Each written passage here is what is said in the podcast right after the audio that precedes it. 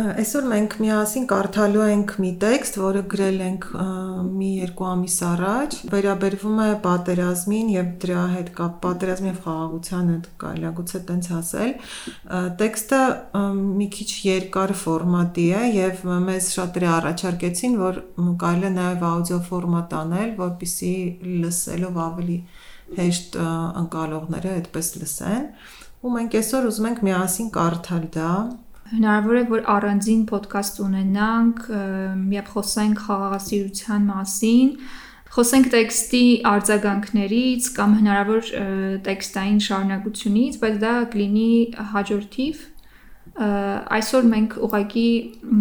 մաս-մաս կկարդանք տեքստը ընդհանրապես։ Տեքստը վերնագրված է պատերազմից, դավաճաններից ու փրկիչներից այն կողմ ապրելու ռադիկալ ընտրություն։ 44 օրյա մսաղացի դաթարից անցավ շուրջ 3 ամիս երիտասարդ սերնդի գերեզմանների առջև ենք գեյների ու անհետ կորածների մասին անորոշության մեջ։ Կորստի գիտակցումը թվում էր պիտի մեզ հնարավորություն տար լինելու ավելի անկեղծ ու խնդիրների լուծմանը տրամադրված, սակայն հանրությունը մերժման մեջ է եւ իրավիճակը դիտարկում է դավաճան փրկիչ դիխոտոմիայով։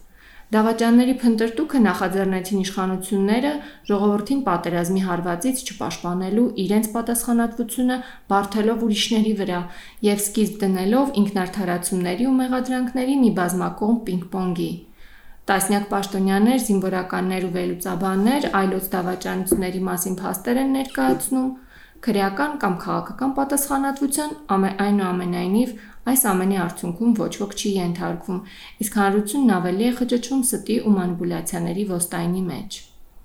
Անուշ եւ անպաշտպան դարձած ժողովուրդն իրեն ծանոթ ու բազմիցս տապալված սխեմայով շարունակում է փրկիչներ փնտրել։ Այս ամիսների ընթացքում հնարավոր դարձավ այնպիսի ճակերտավոր փրկիչների ի հայտ գալը, ինչպիսիք այլ պայմաններում անհնար է, որ փրկչի հայտ ներկայացնեին, Տասնամյակներով երկիրը թալանած, բազմատեսակ բռնությունների համակարգեր ներդրած ու գործադրած, Հայաստանի սուվերենությունը ներսից քանդած, կիսամեր քաղաքական միավորներից մինչև արտասահմանում ապրող հայազգի քաղաքացիներ, որոնց միավորող միակ բանը թերևս ոչ թե քաղաքական գաղափարն է, այլ աշխարհի տարբեր վայրերում բիզնեսներ ունենալը։ Պատերազմի ժամանակ փրկիչները փնտրվում էին նաև ճակերտավոր միջազգային հանրությունում, այսինքն կայսերական գերտերություններում, ավտորիտար միջազգային կառույցներում, ինչպիսին ՄԱԿ-ը կամ ԵԱՀԿ-ն են։ Սակայն པարզ դարձավ, որ նույնիսկ ամենափրկիչ մեծ եղբայր ներկայացվող Ռուսաստանը, որն ի սկզբանե հրահրել էր Լեռնային Ղարաբաղի կոնֆլիկտը, շարունակում է մնալ զավթիչ ուժ, որին շահավետ էր այս պատերազմը, որպեսզի ավելացնի իր ռազմական գերիշխանությունն այս տարածաշրջանում։ Եվ ուրեմն փրկիչների դավաճանների թեման գործիք է պատերազմը նորմալացնող համակարգը հավերժացնելու համար։ Այս տեքստով մենք ուզում ենք խոսել այն մարդկանց հետ, ովքեր ցանկանում են փոխել կրկնվող պատերազմի քաղաքականությունը, դրան նպաստող ներքին ու արտաքին համակարգերը, որpիսի այլևս չապրենք երիտասարդների գերեզմանների վրա լացելով, որpիսի խաղաղությունը դառնա ամենալեգիտիմ թեման եւ թոթափենք կամովին մսացու դառնալու ռոպագանդան ու կատարենք ապրելու ռադիկալ ընտրությունը։ Առաջին հայացքից մենք պատերազմի զոհի դիրքում ենք, քանի որ հարձակումը նախաձեռնել են Ադրբեջանն ու Թուրքիան։ Սակայն մենք առաջարկում ենք նայել սեպտեմբերի 27-ից առաջ, որովհետև պատերազմը չի սկսվում անսպասելիորեն, այլ դրա նախապայմանները ստեղծվում են տարիների քաղաքականության արդյունքում, լայն առումով ներառյալ կրթական, մշակութային, տնտեսական եւ այլն։ Այս հետ գնացող հայացք չունենալը մեզ թույլ չի տալիս խնդիրներն ավելի խորապես տեսնել ու հաղթահարել, այլ շարունակաբար պարտադրում է հրատապ հրդեհաշեջ լուծումներ փնտրել։ Մինչդեռ ինչպես պատերազմը, այնպես էլ խաղաղությունը երկարաժամկետ քաղաքական գործընթացների արդյունք են եւ պահանջում են ջանքեր փոխհարաբերվելու, խոսելու իրար հետ, այլ ոչ իրար մասին, միջնորդ, միջնորմի միջոցով։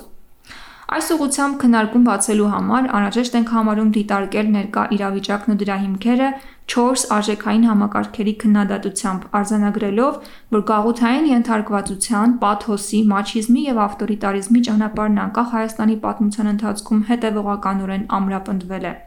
Եվ ուստի չզարմանաք, որ այս քննադատության մեջ տեսնեք բոլոր քաղաքական ուժերին, ինչպես նաև ՀԿ-ներին, որոնք չնայած ներհասարակական խնդիրների դեպքում պաշտպանել ու առաջ են մղել մարդու իրավունքները, սակայն նորմալացրել են մարդու բոլոր հիմնարար իրավունքների դեմ մեծագույն բռնություններից մեկը պատերազմը։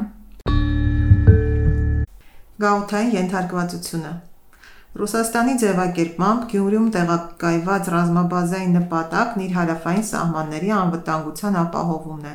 ինչպես նաև Հայաստանի երկու հարևանների՝ Իրանի և Թուրքիայի հետ սահմանի վերահսկումը։ Օգտվելով անվտանգության մասին հայերի տրավմատիկ պատկերացումներից, Թուրքիայի ներկայիս բռնապետական ու ֆաշիստական քաղաքական ռեժիմից և Հայաստանի անվտանգության ճգնաժամից, Ռուսաստանը տարիների ընթացքում խորացրել է բանակով և իր հետ ճակերտավոր բարեկամությանն ապավինելու միջոցով հայաստանցիների պաշտպանված լինելու պատրանքը։ Անվտանգության այլ մոդելներ, ինչպես օրինակ տարածաշրջանային տնտեսական համագործակցությունը,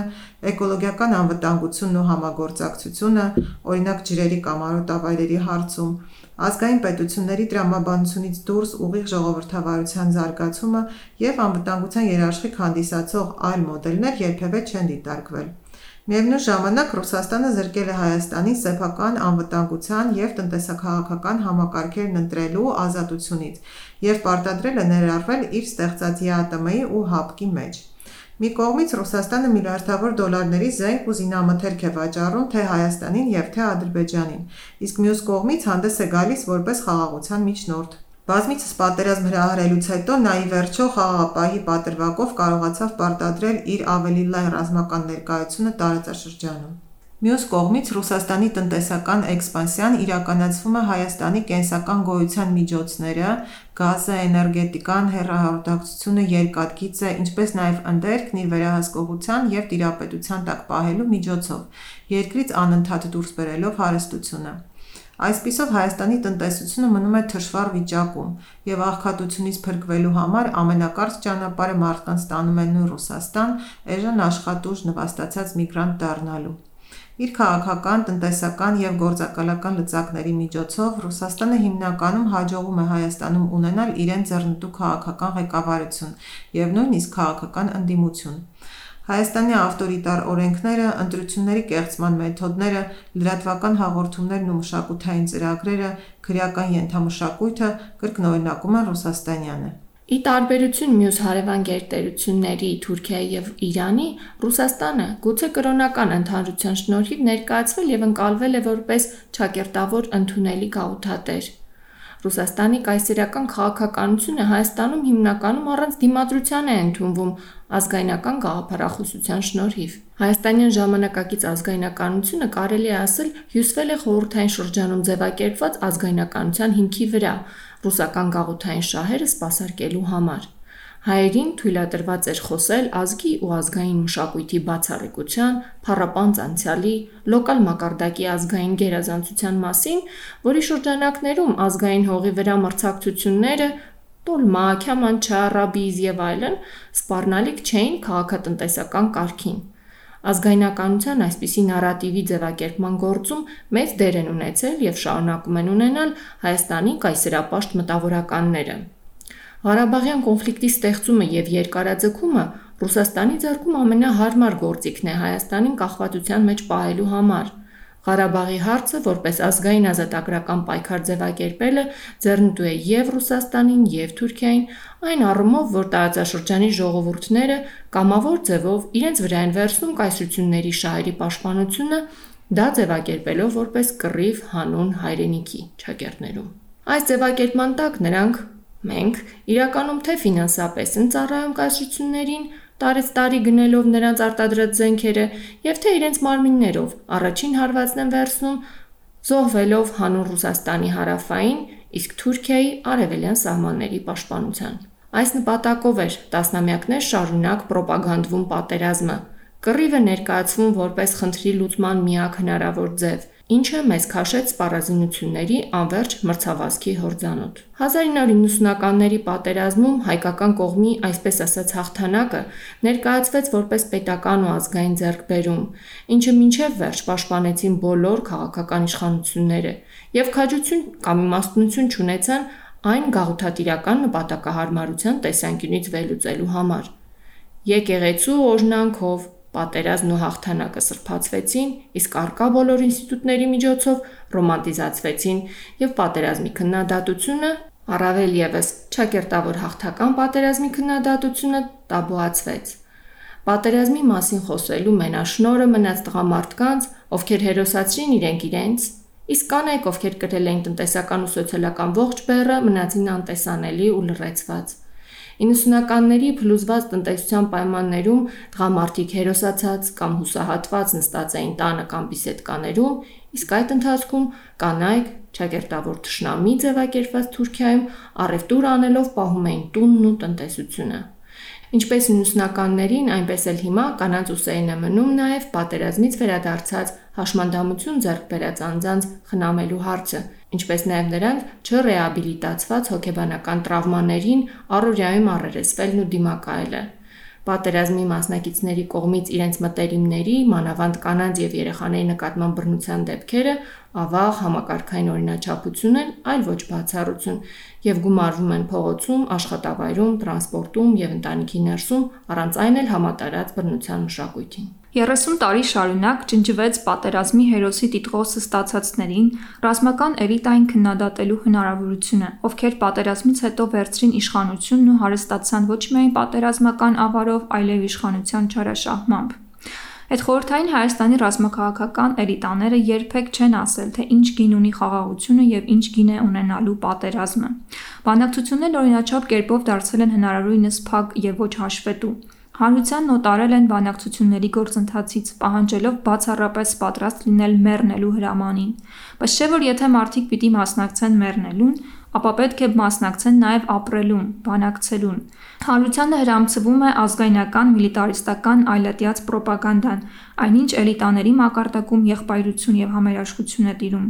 Տարիներ շարունակ Հայաստանի, Ադրբեջանի եւ Ղարաբաղի ռազմաքաղաքական, տնտեսական ու գողական կլանները բաժին են ստացել կայսրության թալանից եւ իրենց ոչ լեգիտիմ իշխանությունը բռնություններով ավտորիտարիզմով պահելու թույլտվություն են վաստակել իսկ պետք եղած ժամանակ վտանգի իմիտացիային ստեղծել սահմանային կրակոցների, մարդկանց գերեվարումների միջոցով եւ զսպել են ժողովրդավարության ներքին պահանջները։ Կարծում ենք, որ պատերազմական մրցավազքի մեջ, անկախ դրա ելքից, մենք տարածաշրջանի ժողովուրդներս պարտվող ենք լինելու եւ մինչեւ խաղաղությունը մեր հասարակության մեջ պահանջված չդառնա, մինչեւ մենք չսկսենք պայքարել ինքնին խաղաղության համար, մենք շարունակելու ենք ծառայել ուրիշների, այսինքն կայսրությունների օրակարգերին։ Մենք պնդում ենք, որ հզոր բանակի միջոցով անվտանգության մոդելը միֆ է եւ չի փոխում Հայաստանի բնակիչների շահերից։ Հայաստանը երբեք չի կարող ինքն իրեն զինել, հաշվի առնելով տարածաշրջանի հսկա միլիտարիզացված տերություններին։ Ավելի նպատակահարմար է փորձել ստեղծել այնպիսի իրավիճակ, երբ մեր մարմնով պատերազմ խաղալն այլևս հետաքրքիր հնարավոր կամ շահեկան չլինի։ Իսկ դա նշանակում է ստեղծել կայսրությունների պատերազմներին չհնազանդվելու լայն քաղաքական մշակույթ։ Պաթոսը Պաթոսը համախմբեց մարդկանց թատերական հրապարակում 1988-ին եւ 30 տարի շարունակ անհնար դարձրեց Ղարաբաղի հարցի քննարկումն ու պատերազմի քննադատությունը։ Այն նախ եւ առաջ ճակերտավոր հայրենասիրության շուրջ էր եւ ներառում էր բռնի ուժի կողերքումը, Հայաստանի հնարավորինս մեծ տարածքային հավակնությունները, Թուրքի նկատմամբ ատելությունը որպես ցեղասպանությունից մնացած չամոքված տրավմա, Ռուսի նկատմամբ ստրկամիտ երախտագիտությունը։ Պաթոսը թույլ չի տվել պատկերացնել པարզ աշխարհագրական իրողություն, որ մենք անխուսափելի հարևանության մեջ ենք, որը պետք է այս կամ այն կերպ կառուցել, ոչ թե մնալ զոհի պաթետիկ գաղապարում։ Պաթոսը վերարտադրվում է պատմության, գրականության, արվեստի եւ գիտության մեջ եւ միջոցով, տաբուացնելով քննադատական մտածողությունը եւ ծուլելով քաղաքական միտքը քարացնող գաղապարներ։ Մենք խաղաղ էինք մեր լեռների պես, դուք հողմերի պես խուժեցիք վայրակ։ Աշխարհը ցուրտ է ու խափուսիկ, որտեղ մարդիկ չար ու նախանձ են։ Գրքերից ու երգերից դուրս իրականության մեջ համատարած աղքատության եւ անարդարությունների իրավիճակում պաթոսին ապավինած պետությունը փոխհատուցում է հերոսի կոչում տալով։ Տղամարդկանց հերոսանալու ճանապարհը ճակերտավոր հանուն հայրենիքի կռվելով մեռնելն է, իսկ կանանց դեպքում ճակերտավոր մատաղ արվելիք սերունդ ծնելն ու հերոսի մայր դառնալը։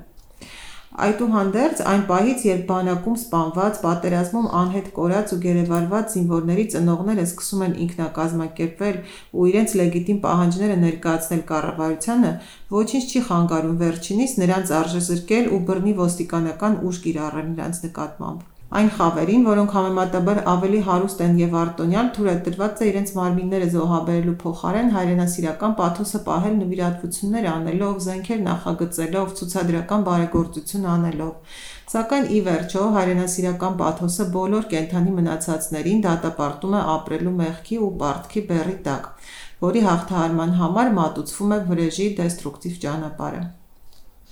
Պատերազմի ինդուստրիային են ծառայեցվում նաև շոու բիզնեսի աստղերը, որոնք երգերով, բանաստեղծություններով ու տեսահոլովակներով ոգևորում կամ մեղքի զգացում են առաջացնում մարդկանց մեջ, ովքեր զրկված են իրենց մարմինը տնօրինելու ազատ ընտրությունից, պայմանավորված պարտադիր զինծառայությամբ ու ճակերտավոր պարտադիր ծնելիությամբ։ Հիմա, երբ հազարավոր երիտասարդներ են զոհվել, հազարավորներն ապրում են մեր կողքին հոգեկան ծանր տրավմաներով ու ֆիզիկական հաշմանդամությամբ, Հազարավորները կորցրել են իրենց ամբողջ ունեցվածքը, դրան էլ գումարվել է համավարակն ու էլ ավելի խորը տնտեսական ճգնաժամը, թերևս մենք ունենք այն զգացումը, որ այսքան մարդկային զոհերն անիմաստ էին։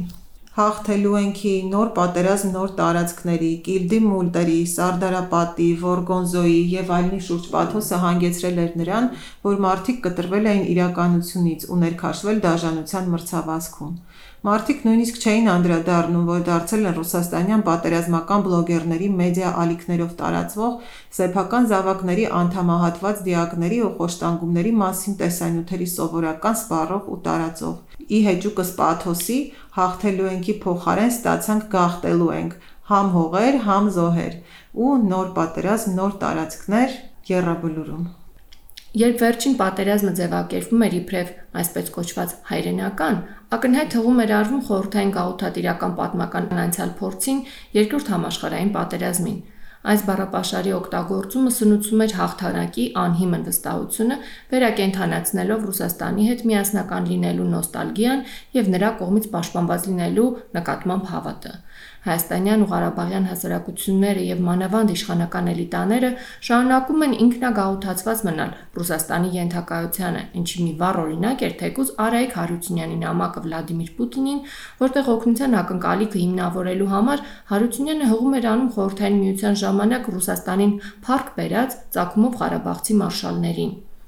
Բացառված չէ, որ ճակերտավոր հայրենական պատերազմի բառապաշարն ու գաղափարը ապագայում շահագործվեն Ռուսաստանի կողմից։ Օրինակ Թուրքիա-Ռուսաստան կամ Ռուսաստան ցանկացած պետություն պատերազմի դեպքում հայրին զինվորագրելու եւ կայսերական պատերազմներում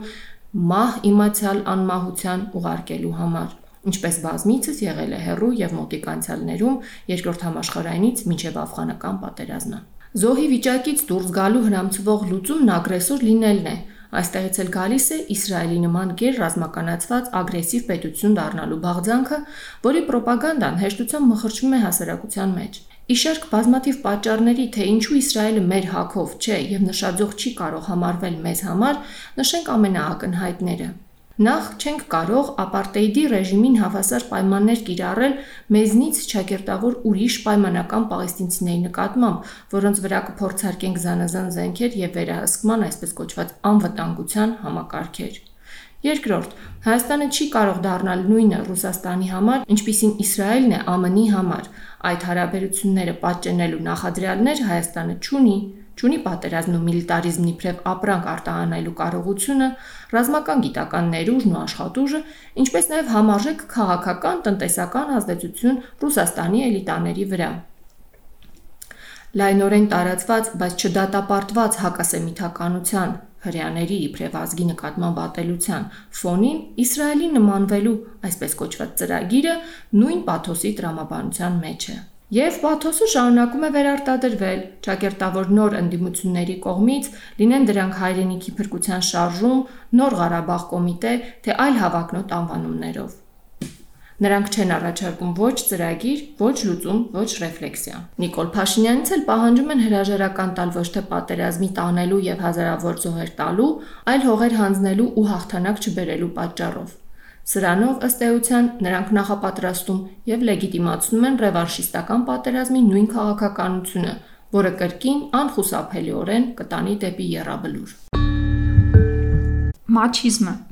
Պաթոսով համեմված ռազմահայնասիրությունից անբաժան է եղել մաչիզմը, չափազանցված առնականությունը, որի նորմատիվ չափանիշը սահմանել են երկրի ռազմաքաղաքական էլիտայի դեմքերը եւ որին ձգտում են հասնել կամ գերազանցել քաղաքական ասպարեզում հայտ ներկայացրած բոլորը, սկսած ցեղակրոն գաղափարախոսներից մինչև ռազմատենչ սոցիալ-դեմոկրատները։ Լևոն Տեր-Պետրոսյանի մաչիզմը միակ խելացի տղամարդու կերպարի մեջ էր կամ է,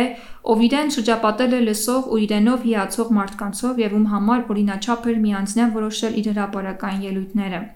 Մինչ օրս Տեր-Պետրոսյանը ներկայանում է անսխալական իմաստունի իմիջով, ով այդպես էլ երբեք չընդունեց իր սխալները։ Բացի մեկից Քոչարյանին իշխանության բերելուց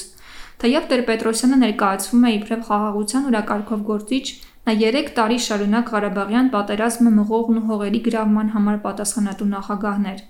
Խաղաղության մասին նրա կոչերն էլ ավելի շուտ նպատակահարմար քաղաքական հաշվարկի եւ տվյալ պահին առավելագույնը քաղելու մասին էին, քան խաղաղության մշակույթ հիմնելու կամ տարածաշրջանում խաղաղության դիսկուրս սկսելու։ Տղայք պահեք տարածները, ինձ որ մնա ես չեմ ուզի տամ, բայց ստիպված ենք, նրա խոսքերն են։ Խաղաղության նկատմամբ ոչ թե արժեքային մոտեցման, այլ այսպիսի հաշվարկված նպատակահարմարության արդյունքում խաղաղության գաղափարն ավելի վարկաբեկվեց եւ հավասարեցվեց իրավունքներից հրաժարվելու, կեղծ մարդասիրության, արևմտյան մոդայիկության կամ ժողովուրդների բարեկամության բոլշևիզմի։ Հենց Տեր Պետրոսյանի ժամանակ սկսեց կառուցվել բանակի շուրջ պաթոսը ու նաև կնքվեց Հայաստան-Ռուսաստան անվտանգության մասին երկկողմ պայմանագիրը, որի հիման վրա Գյումրիում գործում է ռուսական ռազմաբազան։ Սկսած Տեր-Պետրոսյանից Հայաստանի քաղաքական էլիտաները Ռուսաստանի ռազմական ներկայությունը շարունակաբար ձևակերպում են որպես Հայաստանի անվտանգության երաշխավորում Թուրքիայի հարձակումից։ Նույն այն ժամանակաշրջանից նաև սկսվեցին ու քաղաքական մշակույթի մաս կազմեցին քաղաքական սպանությունները, ինչպես նաև հանրության կամքին հակառակ բռնի կերպով իշխանություն պահելու ավանդույթը։ Այդ տարիներին էր նաև որ Հայաստանն ընկավ վայրի նեոլիբերալ կապիտալիզմի ճիրանները, որը սկիզբ դրեց նոր ձևի գաղութային ենթարկվածության, ռուսական գաղութային էքսպանսիային ավելացնելով Համաշխարհային բանկի եւ մյուս նեոլիբերալ ֆինանսական ինստիտուտների ճնշումները։ Այս քաղաքականությունը շարունակեցին ու խորացրեցին նրան հաջորդած բոլոր կառավարությունները։ Ռոբերտ Քոչարյանը հիմք դրեց սահմանադրությունը եւ օրենքները անթակույց արհամարելու պրակտիկային, երբ ՀՀ քաղաքացիություն չունենալով դարձավ ՀՀ նախագահի տեխնացու։ 2018-ին նույնն արեց Արմեն Սարգսյանը, որի բրիտանական անձնագրի վերադարձի մասին փաստաթղթերն այդպես էլ չտեսանք։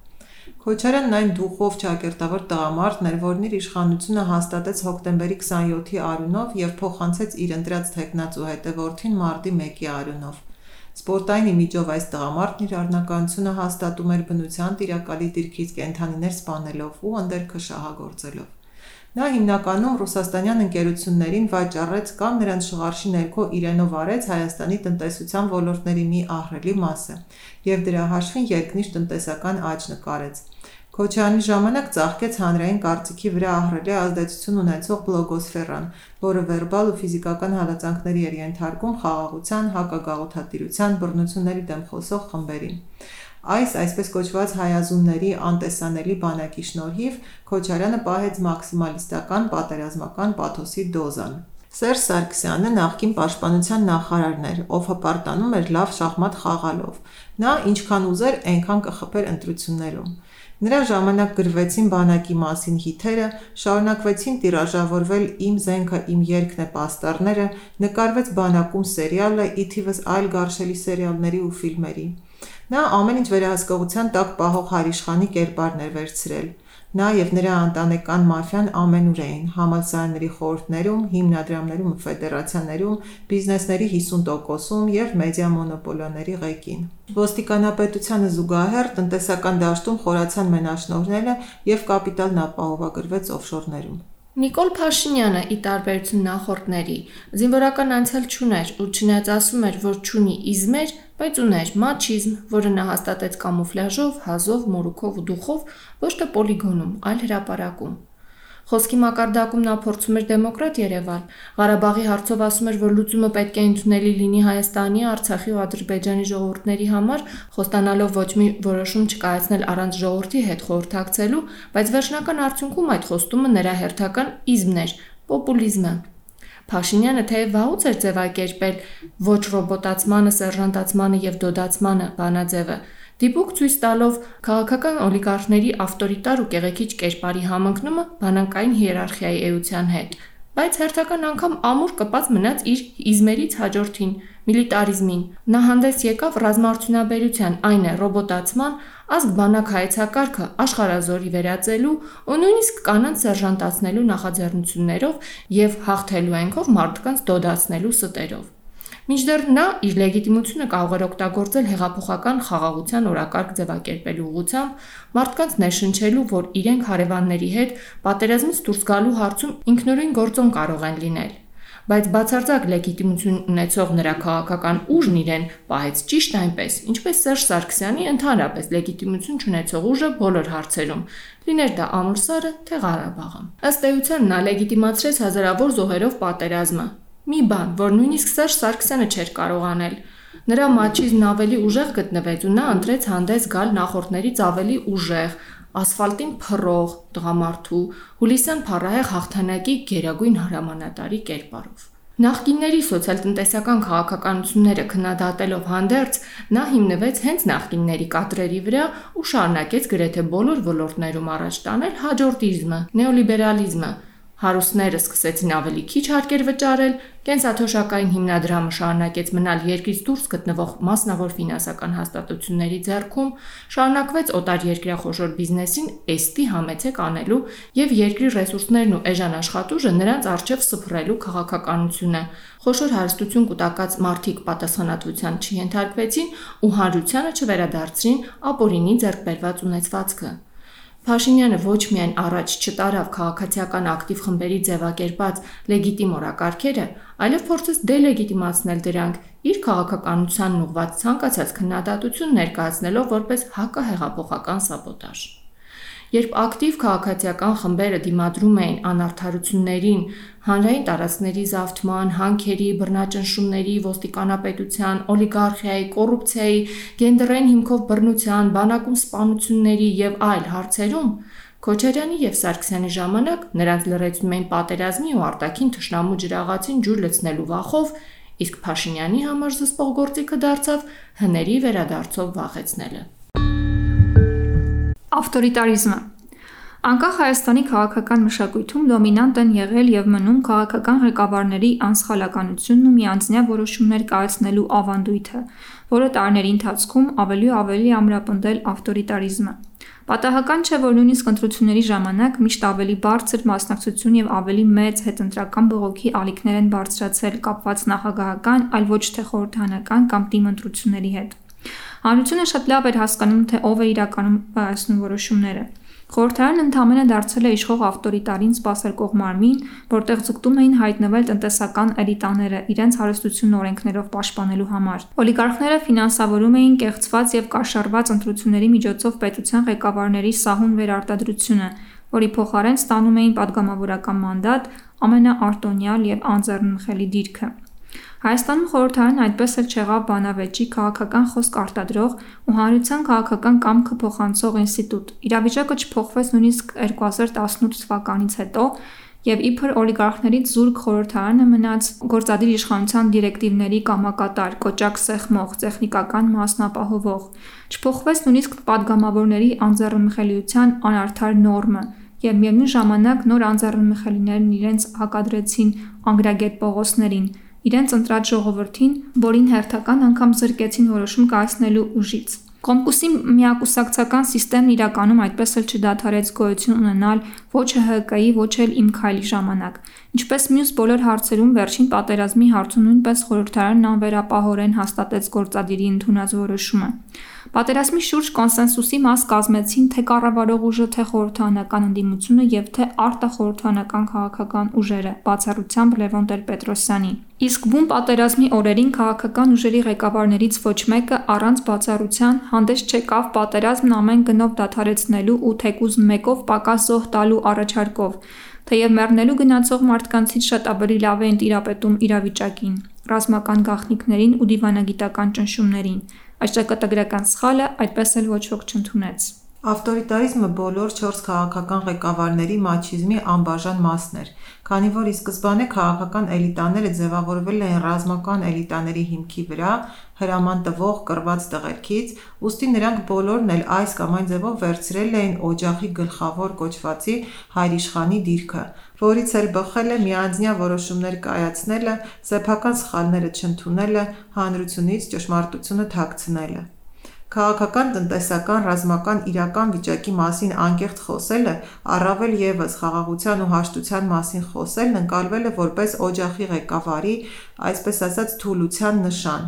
Հայրիշխանությանը ներհատուկ կռվով հարցեր լուծելու ձևը բոլոր ասպարեզներում մնաց դոմինանտ։ Մասնակցային որոշումների կայացումը, ուրիշների կարծիքը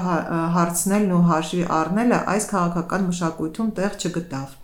Մաչոներից ամեն մեկը միայն մեկ անգամ է հանրային կերպով ընդունել սեփական սխալը։ Տեր-Պետրոսյանի ընդունած միակ սխալը սահմանափակվեց Քոչարյանին իշխանության բերելու գործողությամբ։ Սերժ Սարգսյանն ընդունեց, որ ինքը սխալ էր, Նիկոլ Փաշինյանը ճիշտ։ Փաշինյանն ընդունեց, որ իր սխալը պատերազմին բավարար չպատրաստվելն էր, իսկ Քոչարյանն այդպես էլ ոչ մի սխալ չընդունեց, որովհետև ինքը միակ տղամարդն էր։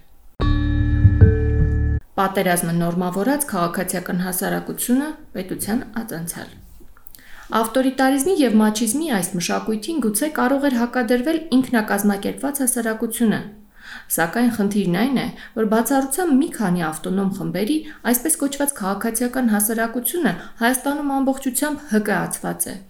ՀԿԱ-ված քաղաքացիական հասարակությունը սեփական օրակարգերը սահմանում է ոչ թե հասարակության ձևակերպած արմատաբուխ առաջնահերթությունների, այլ դոնորներից իջեցված քաղաքական գերակայությունների հիման վրա, որոնք պարտադրվում են թե ՀԿ-ներին, թե պետությանը։ Չնայած ՀԿ-ներն այս տարիներին իրականացրել են բազմաթիվ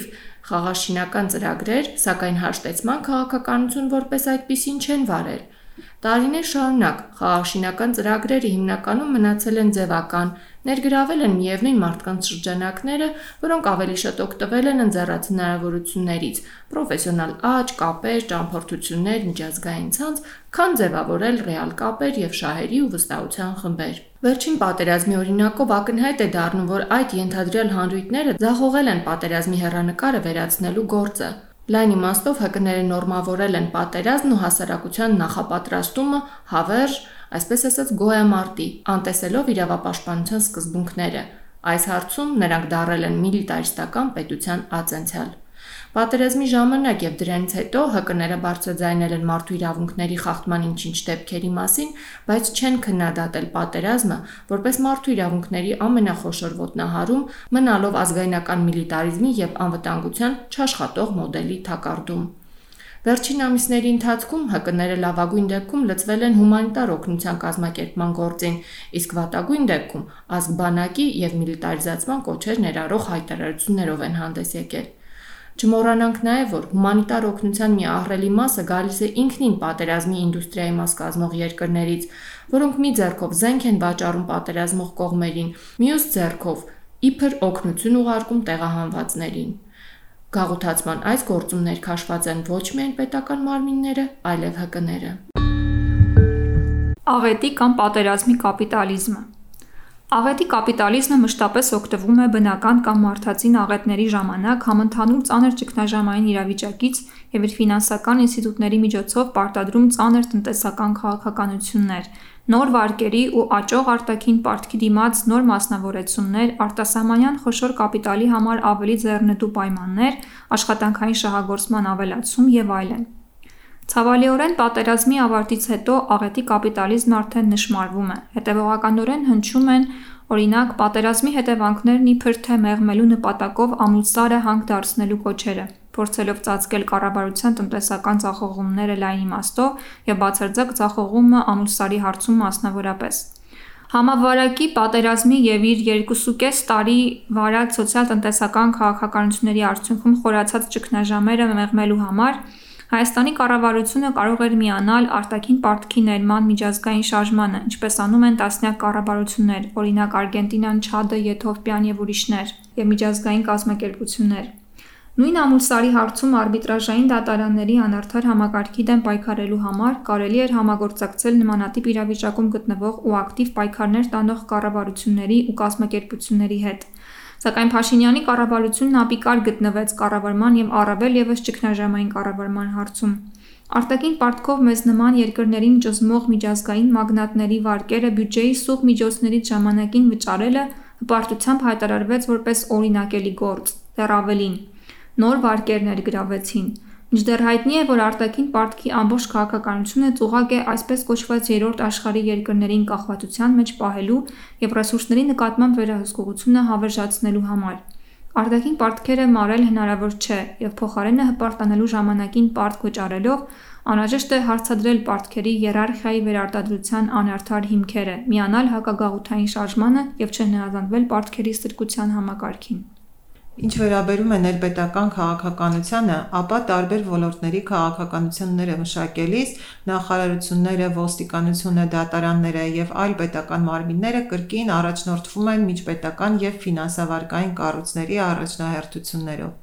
Օրենքների մեծ մասը եւ անգամ սահմանադրությունները գրվել ու ամրագրվել են Համաշխարհային բանկի խմբի եւ այլ միջազգային ֆինանսական ինստիտուտների ուղիղ թելադրանքով եւ նրանց մասնագետների մասնակցությամբ եւ հետեւողականորեն զրկել են հասարակությանը վայրի կապիտալիզմին դիմակայելու մեխանիզմներից։ Դրանք ամրագրել են իշխանության կոնսոլիդացումը, մասնավորեցումը, խոշոր կապիտալի անձեռնխելիությունը, աշխատավոր խավի ինստիտուցիոնալացված իրավազրկումն ու ճնշումը, վարկային կախվածությունը։ Եվ այս բոլոր տարիների ընթացքում քաղաքական ինստիտուտները չեն քննադատել եւ չեն ընդդիմացել Համաշխարհային բանկին, Զարգացման եւ Վերակառուցման Եվրոպական բանկին, Եվրասիական զարգացման բանկին, հիմնադրված Ռուսաստանի եւ Ղազախստանի կողմից, Ասիական զարգացման բանկին եւ մյուսներին։ Նրանց ուղված դիմադրությունը տարել են հիմնականում շարժումներն ու ավտոնոմ խմբերը։ Հայաստանի ֆինանսական կառավարման ոլորտում շարունակաբար նույն կադրերն են եղել։ Ոչ մի հեղափոխություն կամ իշխանափոխություն այնտեղ փոփոխություններ չի առաջացրել, եւ դրանք ստաբիլ տարել են նույն քաղաքականությունը որպես ավտորիտար կառույց, որտեղ որոշումները կայացնում են նույն գաղութարար կառավարությունները։ Ներդրումներ ներգրավելու մասին մանտրան երգել են բոլոր կառավարություններն ու ընդդիմությունները։ Ներդրումների խրախուսման մասին երկկողմ պայմանագրերը սկսել են կնքվել դեռևս 90-ականներին եւ ավելի մեծ թափ են ստացել հաջորդ երկու տասնամյակներում ու չեն դադարել նույնիսկ այն բանից հետո, երբ 2007 թվականից սկսած արտաքին մի շարք ներդրողներ արբիտրաժային հայցեր ներկայացրին Հայաստանի դեմ ու པարզ դարձավ, թե ոնց են այդ պայմանագրերը պետություններին գցում արբիտրաժային դատարանների թակարդը։ Վերջաբանի փոխարեն ապրելու օրակարգ Մեր վերլուծությունը ցանկանում ենք ամփոփել տեքստի սկզբում արդեն նշված կարևոր գաղափարի՝ ապրելու օրակարգի առաջարկներով։ Նոյեմբերի 9-ին պատերազմի դադարից հետո մենք հայտնվեցինք ստոպ կադրի վիճակում, երբ ստի ու միֆերի հորձանուտը կանգ առավ, երբ դեմ հանդիման կանգնեցինք մեր ու դառը իրականությանը ու ստիպված եղանք առերեսվել ամենահիմնարար հարցերին. ինչու զոհել 18 տարեկաններին, ում է ձեռնտու այս կռիվը, ո՞րն էր պատերազմի այլընտրանքը։ Հենց այդ պահին մեծ իմաստություն էր կուտակվել ներկայի մեջ, որը դեռ չէր զարդարվել, այսպես ասած, կամ ուղղորդվել մեդիայի ու քաղաքական գործիչների օրակարգերով։ Այդ իմաստության մեջ խտացված էր մարդկանց ցավը, կորուստների ու խափված լինելու գիտակցությունը, կյանքի արժևորումը, Առաջարկում ենք ոչ թե խուսափել իրականությունից, ոչ թե ռոմանտիզացնել ու լրատվամիջոցների փայլուն փաթեթավորման պատել ցավը, այլ շարունակել մնալ դրա մեջ ու հայել դրան, սովորել դրանից, հասկանալ բացվերքն ամոքելու մեզ անհրաժեշտ ձևերը։ Հանուն ապրելու օրակարգի հաջորդ կարևոր քայլը հենց այդ օրակարգը սահմանելն է։ Այստեղ առաջնային է հակագաղութային պայքարը, համաշխարհային հեգեմոն համակարգերի այսինքն ֆինանսատնտեսական կամ ռազմագեոպոլիտիկ համակարգերի գիտակցումը, որը հնարավորություն կստեղծի, որ เป զի կարողանանք ձևակերպել կայսրությունների պատերազմներին մսացու չլինելու միջազգային բանկերի ու արտաքին պարտքի օղակից հանքահումքային շահագործումից դուրս գալու օրակարգերը։ Վերջապես պահն է, որ հանրությունն այլևս չակնկալի, որ կուսակցությունների դատարկ խոստումները երբևէ կդառնան իր շահերից բխող քաղաքական ծրագրեր։ Բոլորս էլ գիտենք, որ կուսակցությունները ոչ թե գաղափարական միավորումներ են, այլ հիմնականում պաշտոնի հասնելու, դրա միջոցով ինքնահաստատվելու եւ իշխելու ամբիցիաներ ունեցող մարդկանց խմբեր, որոնք հեշտությամբ կուսակցությունից կուսակցություն են վազում, ելնելով անձնական կամ քաղաքական նպատակահարմարությունից։ Ներկայացուցչական ժողովրդավարության կեղծիքներից է նաև այն, թե մասնակցելով, առաջադրվելով կամ քվեարկելով հնարավոր է համակարգը ներսից փոխել։ Այս հավատով դրդված շատ կանայք անդամագրվում են կուսակցական ցուցակներում, փորձում են ընտրվել կամ նշանակվել տարբեր պաշտոններում, բայց նրանց աճող թիվը չի բերում էական փոփոխության, որովհետև համակարգն ինքնին կնատյաց է եւ որոշումների կայացումն իրականում տեղի է ունենում բոլորովին այլ սկզբունքներով։ Իշխանության մեջ հայտնված կանայք սկսում են ընդունել իշխանության դեմքը, յուրացնել իշխանության լեզուն եւ ներկայացուցչական պատրանք ստեղծել, իրականում դառնալով համակարգի գործիքն իրենց իսկ ներկայացրած խմբին ճնշելու համար։ Բազմազան քվոտաները, մասնակցային հանձնաժողովները եւ այլ ճակերտավոր ներառական ձևաչափերն ընդամենը հաստատում են այլ սկզբունքներով կայացված որոշումները եւ ապահովում են դրանց լեգիտիմացումը։ Զոր օրինակ, արտահերտ ընտրություններ չանցկացնելու իմ քայլի հրապարակած դիրքորոշումը Փաշինյանի հետ հանդիպելուց հետո։ Մեր լուծումը հետեւյալն է. չմասնակցելով դելեգիտիմացնել մեզ վերաբերող, բայց առանց մեզ կայացվող որոշումները։ Ինչպես ասում էր Էմմա Գոլդմանը, Եթե ընտրություններով հնարավոր լիներ ինչ-որ բան փոխել, ապա դրանք հաստատ անօրինական հայտարարված կլինեին։ Առաջարկում ենք ոչ թե սпасել արտահերտ ընտրությունների գալստանը կամ հուսալեկվել արտահերտ ընտրություն չնշանակվելու հերանեկարից, այլ ուղղակի չխաբվել ընտրական խաղով ու գործել դրանից դուրս, ինքնակազմակերպվել, ձևավորել ավտոնոմ նախաձեռնություններ եւ առաջ մղել սեփական օրակարգերը։ Փոխակերպել հայրենասիրական պաթոսը իրատեսական, բովանդակային, սոցիալական օրակարգերի խաղաղության և ապրելու ծրագրերի։ Օրինակ, որ առողջապահությունը լինի անվճար ու հասանելի բոլորին, որ մեր ապրած կենսավայրում ջուրը, հողն ու սնունդը աղտոտված չլինեն ծանր մետաղներով, որ մենք կարողանանք առանց բռնության վախի որոշումներ կայացնել, որ մեր մանուկներին չընտելացնենք զինվորական կամուֆլաժներին ու համարժեք ողբերգական ապագայի հեռանկարին, այլ թևեր տանք երջանիկ ապրելու։ Հիմա, երբ խոսում են պարտության պատճառներից և հանգում են կրթական համակարգի բացթողումներին, լուծումները տեսնում են ճշգրիտ գիտությունները ռազմաարդյունաբերությանը ծառայեցնելու մեջ, օրինակ՝ ռոբոտաշինության միջոցով։ Մինչդեռ այս իրավիճակը հաղթահարելու համար կրթության խնդիրը քննադատական միտք ունեցող և համաշխարհային մարտահրավերներից տեղյակ, կրթված ու ինքնակրթված հանրություն ձևավորելն է, որը կդառնա ավտոնոմ ուժ՝ քաղաքականություններ ստեղծող, այլ ոչ սպառող։ Եվ վերջապես մյուս կարևոր քայլը հաշտություն, համակեցություն եւ խաղաղություն կառուցելու հետեւողական տեսլական մշակելն է։ Այլապես ռևանշիզմի կործանարար ռոպագանդան այլընտրանք չի ունենալու, իսկ ֆաշիզմով ուղղորդված խմբերը միայն շատանալու են, որ เป զի սпасարկեն քաղաքական գործիչներին հերթական սերնդին անշեղորեն ուղարկելու մահվան։ Ստոպ կադրը, որի մեջ առաջարկում ենք մնալ, մեզ պիտի առերեսի կոլեկտիվ տրավմային եւ տանի դեպի ապակինում Սա շատերին ձեռնտու չէ, որովհետև չափակինված տրավման թույլ է տալիս հավերժ շահագործել մեր հանրույթին, որովհետև այդ դիրքում մեզ առաջարկված է զոհի կամ բռնությունը հայլադարձնողի դերը։ Տրավման այս երկու ձևերից ոչ մեկով չի հաղթահարվում, այլ խորանում է ու ցավալիորեն չարաշահվում։ Ոստի մեզ պետք է տրավմայի փոխակերման ու քաղաքական իմաստով վերականգնողական արդարության օրակարգ Անհրաժեշտ է, որ կարողանանք վերցնել ապակինվելու պատասխանատվությունը եւ չսպասենք նայելով սահմանից այն կողմ, թե ով առաջինը կսկսի դա որովհետև ապակինումը նախ եւ առաջ նշանակում է խաղաղություն ներսում եւ պահանջում է ինքնաշխատության ջանք։ Երկու կողմերում հազարավոր գերեզմանները, փախստականների թշվառ կյանքերը մեզ պիտի թույլ տան մոտենալ իրար, հաղթահարելու համար ցավը, ատելությունը եւ անվստահությունը, ճանապարհ բացելով կարեկցանքի ապրումակցման, սիրո, ընկերության համար։